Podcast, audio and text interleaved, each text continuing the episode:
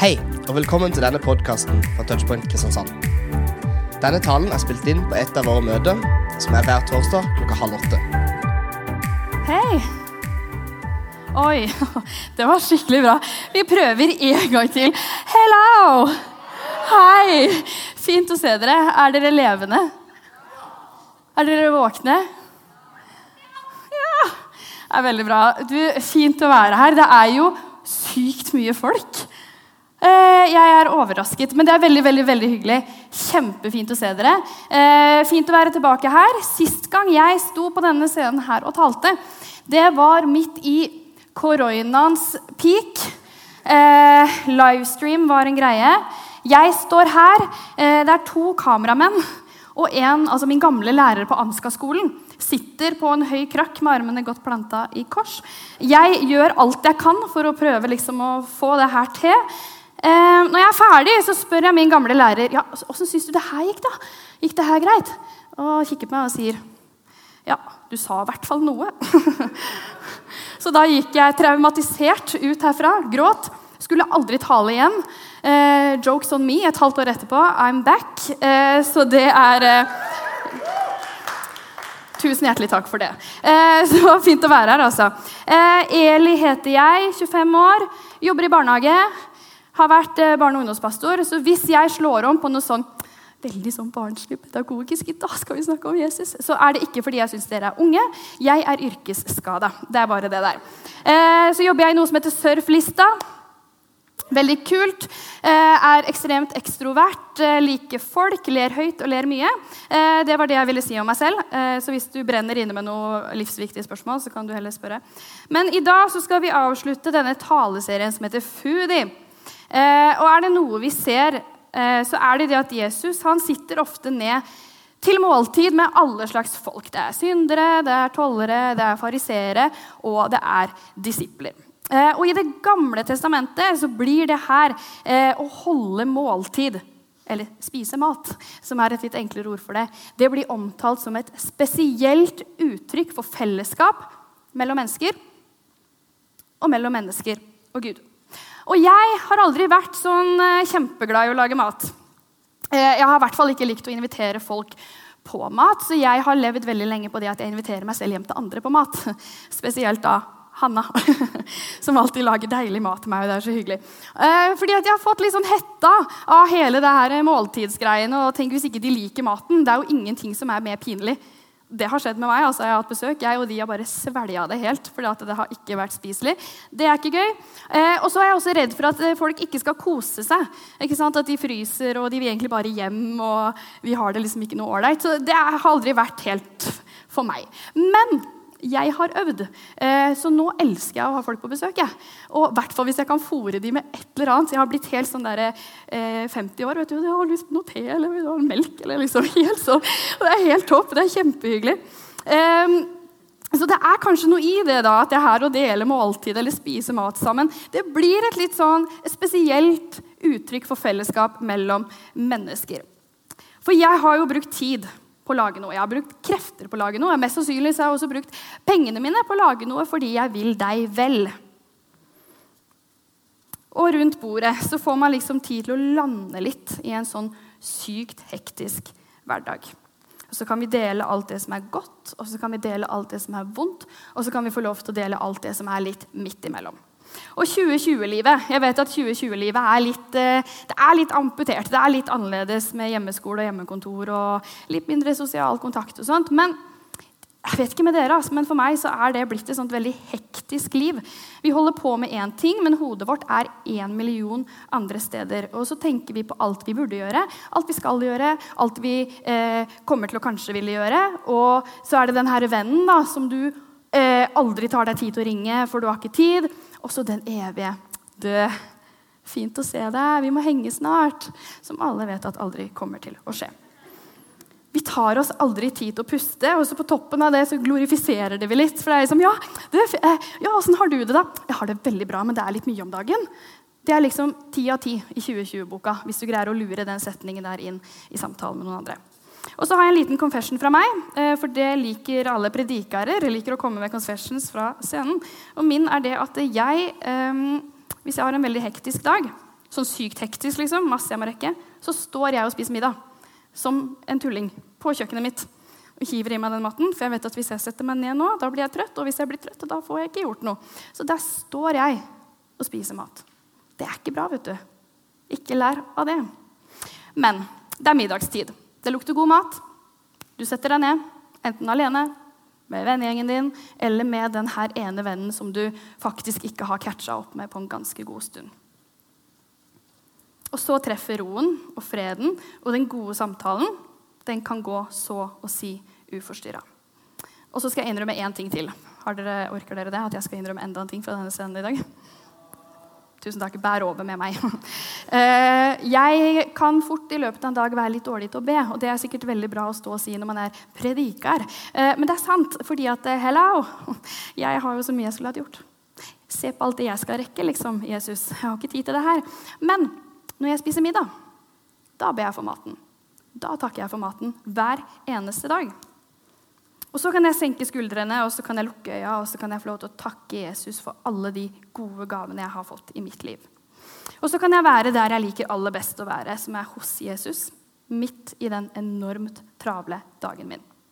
Så det sier kanskje altså litt da, om hvilken funksjon eh, et måltid og mat kan ha. For det fyller oss opp både åndelig og fysisk. Og Bibelen snakker også om dette, og i dag så skal vi inn i Jesus sitt aller siste måltid, nemlig nattverden. Eh, og Det er rundt påsketider, nærmere bestemt torsdag i påskeuken, og dagen før Jesus skal dø. Spoiler alert. Og til alle tider siden denne påsken så har mennesker over hele verden samla seg for å feire Herrens måltid. Nattverden, kommunion, kjærlighetsmåltidet, eukaristien. Kjært barn har mange navn, alt etter hvilken eh, kirkelig tradisjon du tilhører. Men uansett hva du kaller det, så handler det om dette spesielle måltidet som Jesus deler med disiplene sine dagen før han gir sitt liv på korset. Men hva er det med det måltidet her da, som er så annerledes enn andre måltider? Og hva er det med det som er så livsforvandlende for våre liv? Og hvorfor gjør vi egentlig en big deal ut av det i kirka? Er det ikke bare noe loff og noe saft? Og så står vi i kø, da. Og så går vi fram og så tar vi imot et eller annet, og så tasser vi tilbake til plassen vår og setter oss ned. Er det ikke bare det det handler om? Vi skal lese teksten eh, i Lukas sitt evangelium til å starte med. Eh, og Vi leser fra Lukas 22, vers 14. Og Før det her så har Jesus gitt Peter og Johannes oppgaven i å finne et sted hvor de kan holde påskemåltidet. Eh, og Så får de beskjed om å leite etter en mann som skal gå med en vannkrukke som de skal følge etter, inn i et hus. Og Der så skal de gjøre klart til påskemåltidet. Og Der står det da tiden var inne, tok Jesus plass ved bordet sammen med apostlene. Og han sa til dem, 'Jeg har lengtet inderlig etter å spise dette påskemåltidet med dere før jeg skal lide.' For jeg sier dere, aldri mer skal jeg spise påskemåltidet før det er blitt fullendt i Guds rike. Så tok han et beger, ba takkebønnen og sa, 'Ta dette og del det mellom dere.' For jeg sier dere, fra nå av skal jeg aldri mer drikke av vintreets frukt før Guds rike er kommet. Så tok han et brød, takket og brøt det og ga dem og sa, 'Dette er min kropp som gis for dere. Gjør dette til minne om meg.' Og På samme måte tok han begeret etter måltidet og sa, 'Dette begeret er den nye pakt i mitt blod, som blir utøst for dere.' Ok, Så tror jeg vi skal ta det her litt bit for bit, for her er det mye bra. Og Som vi har sett gjennom denne taleserien, og som vi ser de andre stedene i Bibelen, hvor Jesus deler måltid med folk, så er Jesus ofte gjesten. Det er han som har blitt invitert inn i huset. Men i dette tilfellet her så er det helt tydelig at det er Jesus som er vert. Det er han som inviterer disiplene sine inn til å dele måltid sammen med han. Og ikke bare et hvilket som helst måltid, men det er påskemåltidet. Måltidet med stor M. Et måltid med en helt spesiell betydning og helt spesielle rutiner og ritualer i den jødiske tradisjonen. Men så er det noe da, som er annerledes med dette påskemåltidet. For den viktigste ingrediensen i påskemåltidet, det var påskelammet. Og det skulle være et feilfritt, perfekt, årsgammelt værlam. Og så skulle man slakte det. Blodet fra det det skulle man stryke over dørkarmen. Og man gjorde det for å minnes hvordan Gud fridde israelsfolket fra fangenskap i Egypt. Og Nå skal vi ha litt sånn historietime, for det er viktig for vår tekst. Fordi Israel var fanga i Egypt. Og de led som en undertrykt befolkning. Eh, så Moses han gikk til farao igjen og igjen og igjen og spurte om ikke han kunne sette folket hans fri. Men farao han hadde virkelig ikke tenkt å høre på Moses i det hele tatt. Og Det er da Gud sender den ene prøvelsen og den ene plagen etter den andre. Og Vi snakker gresshopper og hagl og frosker og lus. Men farao han sto beinstøtt. Er det et ord? Han sto i hvert fall kjempestødig på sitt. Og han hadde virkelig ikke tenkt å slippe israelsfolket fri. Til slutt så sier Gud, 'Jeg skal sende min straff'. Alt førstefødt skal dø i hele landet, i alle hjem, blant dyr og mennesker. Også de jødiske hjem skulle bli ramma av det her. Og Det handla ikke om du var født jøde eller ikke, men bare de jødiske hjem som hadde slakta et lam, og som hadde strøket blod over dørkarmen. Der skulle døden gå forbi. Den skulle pass over, som er det ordet påske betyr. Og bare de som hadde gjort dette i tro, skulle bli skåna. Bare de som hadde søkt tilflukt under blodet til det slaktede lammet. Og så ser vi det i vår tekst at det er ingen av evangelistene og heller ikke Paulus de nevner et påskelam når de skriver om dette måltidet. Det finnes ikke. Og så begynte jeg å lure liksom, ja, Har de glemt det, da? Kan det virkelig ha seg at eh, fem stykker som har skrevet noe vettugt i Bibelen, har glemt en så viktig del i dette måltidet? Men nei. De har jo ikke det, for eh, påskelammet det ligger ikke på bordet. Fordi påskelammet sitter ved bordet, og lammet har et navn. Og det navnet er Jesus. Jesus som skulle bli ofra og bøte med livet. Hans blod som skulle frelse alle som søkte tilflukt under ham. Og ved Jesu liv og ved Jesu død så starter det en helt ny epoke, en helt ny pakt. Det er som om historien tar tidenes tvist. Når Jesus sier 'Dette er mitt blod, det nye pakts blod'. Og hver gang vi tar imot brød og hver gang vi tar imot vin i nattverden, så minnes vi det her med stor takknemlighet for Jesu offer. Og mens vi er inne på dette med blod og legeme, for jeg satt og forberedte meg til det her, og da liker jeg på en måte å sette meg litt inn i teksten. Det er veldig, det er liksom, det er, ja, hjelper litt. Så tenkte jeg på det. ok, Jeg er en av disiplene. da. Kommer inn i dette rommet. Jeg har blitt bedt av Jesus, som er, liksom, er ganske big deal i seg sjøl. Kommer jeg inn her, og så begynner Jesus med Ja, dette er kroppen min. Den skal dere spise. Dette er blodet mitt. Det skal dere drikke. Jeg tror jeg hadde vært liksom bro. Hadde freaka litt ut. Tror at jeg hadde gjort det. Det er min personlige mening om det. Men disiplene de gjør jo ikke det. De sitter der, de, og så tar de imot, og så takker de for det de får, og så spiser de det. For Jesus han tar opp brødet, og så takker han, og så bryter han det. Han deler det i biter. Og dette er altså dagen før Jesus skal gjennomgå en ganske voldsom og brutal død. En pint kropp, full av piskeslag, knust og brutt for våre synder. Og så tar han opp vinen, den nye pakt, i mitt blod som blir utøst for dere. På samme måte som blodet rant fra naglesårene i hendene og føttene hans. Og plutselig så får dette enkle, kjente, tradisjonelle måltidet som Jesus deler med sine aller, aller nærmeste, en litt annen betydning. Det enkle brødet og den enkle vinen blir symbol på noe av det viktigste som har skjedd i vår verdenshistorie. Jesu lidelse og død på korset. For vår skyld, for min skyld og for din skyld. Og Jesaja han profeterer dette lenge før Jesu død. Men han ble såret for våre lovbrudd. Knust. Eh, knust for våre synder. Straffen lå på ham, og vi fikk fred. Ved hans sår ble vi helbredet. Han ble mishandlet, og han ble plaget. Og han åpnet ikke munnen, lik et lam som føres bort for å slaktes. Jesus han setter seg til bords med disiplene sine. og Påskemåltidet det var litt som eh, en julefeiring. som Vi ville sett på det som i dag. Vi deler det gjerne med familien vår. Feirer det sammen. Men dette året var annerledes for disiplene, som plutselig feira med en annen type familie. Sin åndelige familie. Eh, for det er det som skjer når Jesus inviterer oss inn i dette måltidet. En ny familie oppstår. Guds familie. De som er født på ny, og de som har fått nye relasjoner. For vi er familie, og dette måltidet her det kan vi også få lov til å dele sammen som familie. Og det syns jeg faktisk er sykt fint. Det er mye, veldig mye med nattverden som er sykt fint. Men det at vi kan få lov til å stå sammen som familie. For vi lever i en verden som er skikkelig prega av brutte relasjoner. Og familier som går i oppløsning. Mødre som ikke snakker med barna sine.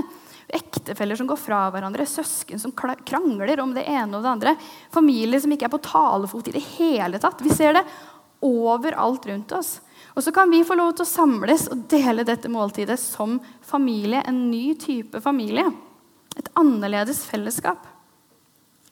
Og Litt senere i vår tekst så leser vi at disiplene de krangler med hverandre. Og de krangler om hvem som skal regnes som den største. Eh, hvem er best? liksom? Hvem er kulest? Hvem er tøffest? Og de her må huske det at det er gutter som har fulgt Jesus i tre år. Jeg vet ikke med dere, men eh, da, da jeg var ung, så hadde vi jo de her What Would Jesus Do-armebånda.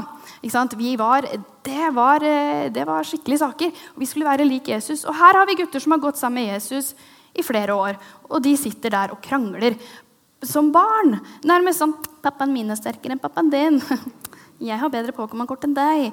Altså, Vi er på det nivået der. Kjempebarnslig.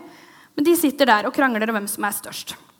Eh, og Da sier Jesus til dem at kongene hersker over sine folk, og de som har makten, lar seg kalle velgjørere. Men slik er det ikke blant dere. Den største av dere skal være som den yngste, og lederen skal være som en tjener. Vi skal være et annerledes fellesskap. Et fellesskap av mennesker som ikke bruker hverandre, som ikke hevder seg over hverandre, som ikke krangler om å være størst eller best eller flinkest eller kulest eller penest eller smartest eller mest morsom. Vi skal være et fellesskap som tjener hverandre.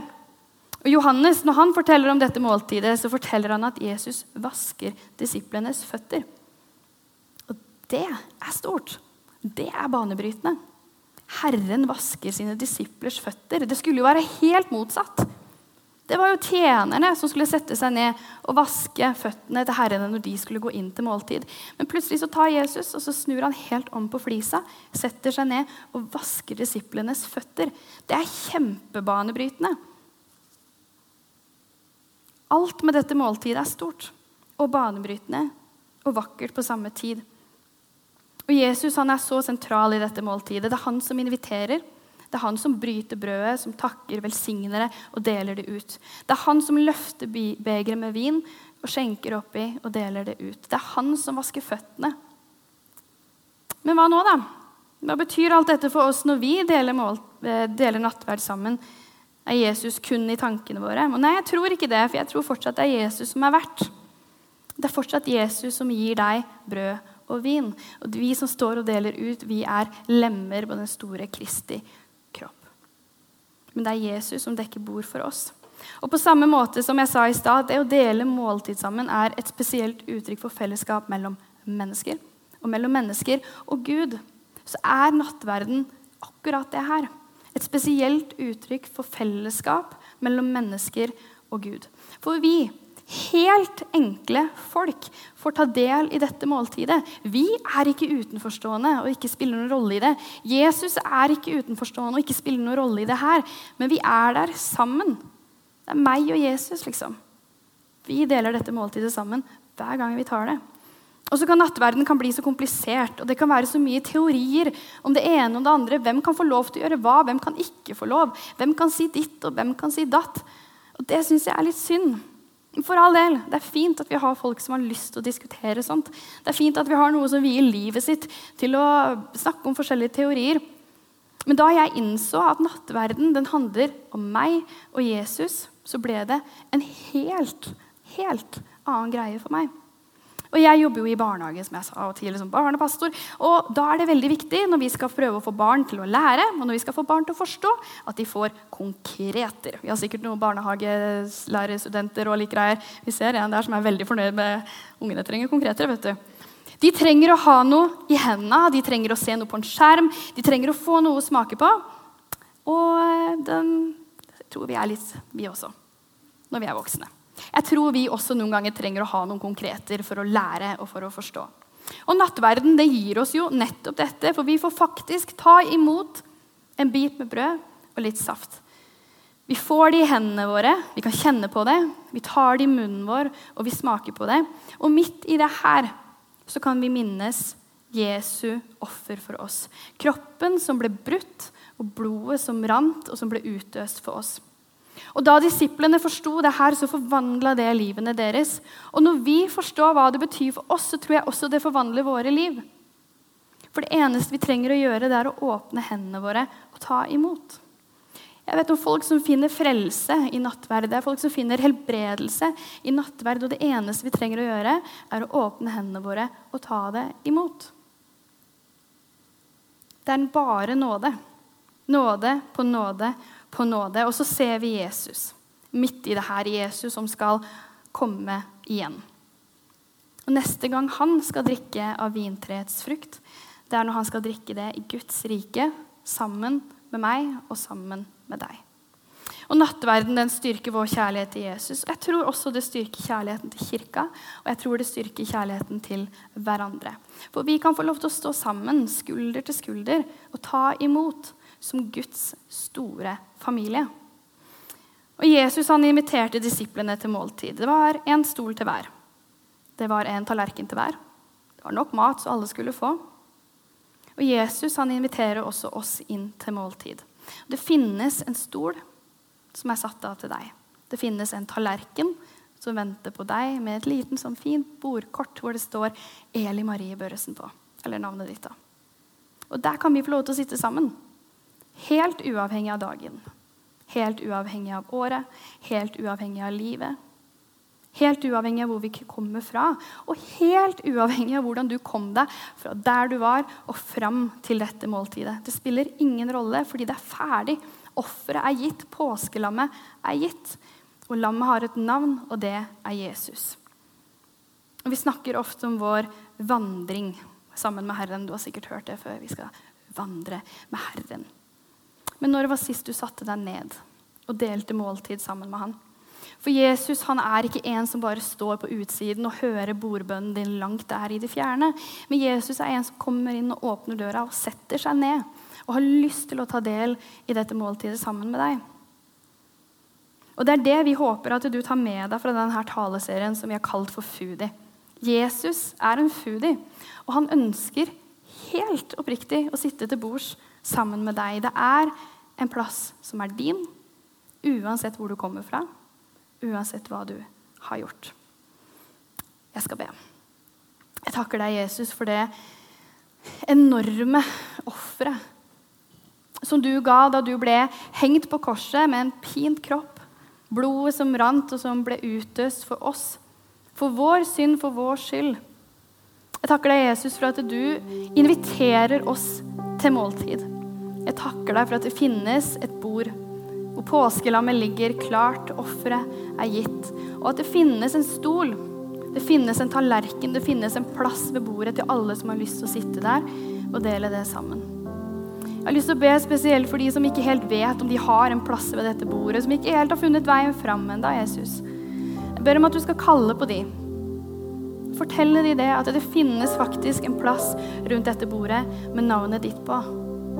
Alt er gjort ferdig, offeret er gitt takker deg, Jesus, for alt det du har gjort i våre liv. Amen.